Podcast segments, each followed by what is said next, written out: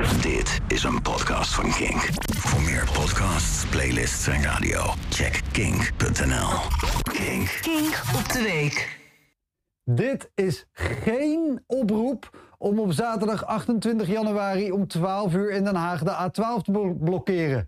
Nee hoor, want het blokkeren van een snelweg, bijvoorbeeld de A12 in Den Haag op zaterdag 28 januari om 12 uur, is verboden. En oproepen om dat te doen is opruiing. Vind ik een raar woord trouwens, opruiing. Ik dacht dat dat was als je verharende kat tegen je aan staat te rijden. zodat zelfs een polyester trainingspak opeens gemaakt lijkt van Angora-wol. Dat klinkt hartstikke mooi, maar je zweet je de tyfus op een 90s gabberfeest. Kijk, je kan wel ongestraft de snelweg blokkeren, maar dan moet je op de trekker komen. Beter nog, met een hele groep trekkers. Dan kan je zelfs barbecuen op de snelweg zonder dat er wordt ingegrepen.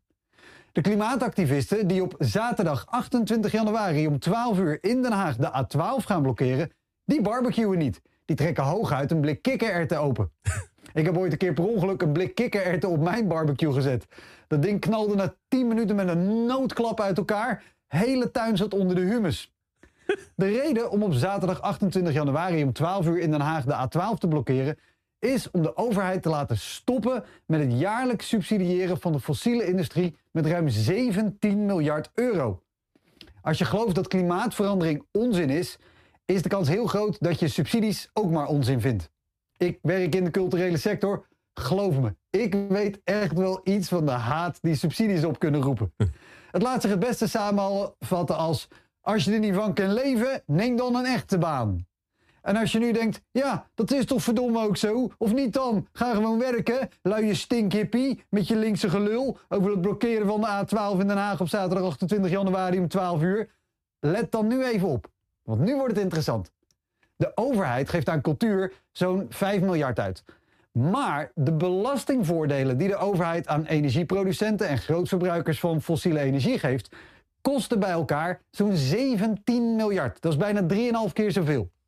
Als Shell en ExxonMobil in hun raffinaderijen benzine maken, betalen ze over de enorme hoeveelheid olie en aardgas die ze daarvoor gebruiken. En ik rond het maar even af: 0 euro. Hebben Shell en Exxon die miljarden aan voordeel nodig? Nou, volgens hun accountants wel, want anders maken ze veel minder winst. En ze hebben het al zo lastig, want ze wisten al sinds de jaren 90 hoe vervuilend hun bedrijven zijn. Maar niemand wilde naar ze luisteren. Ook omdat ze hun bek er stijf over dicht hielden, maar toch.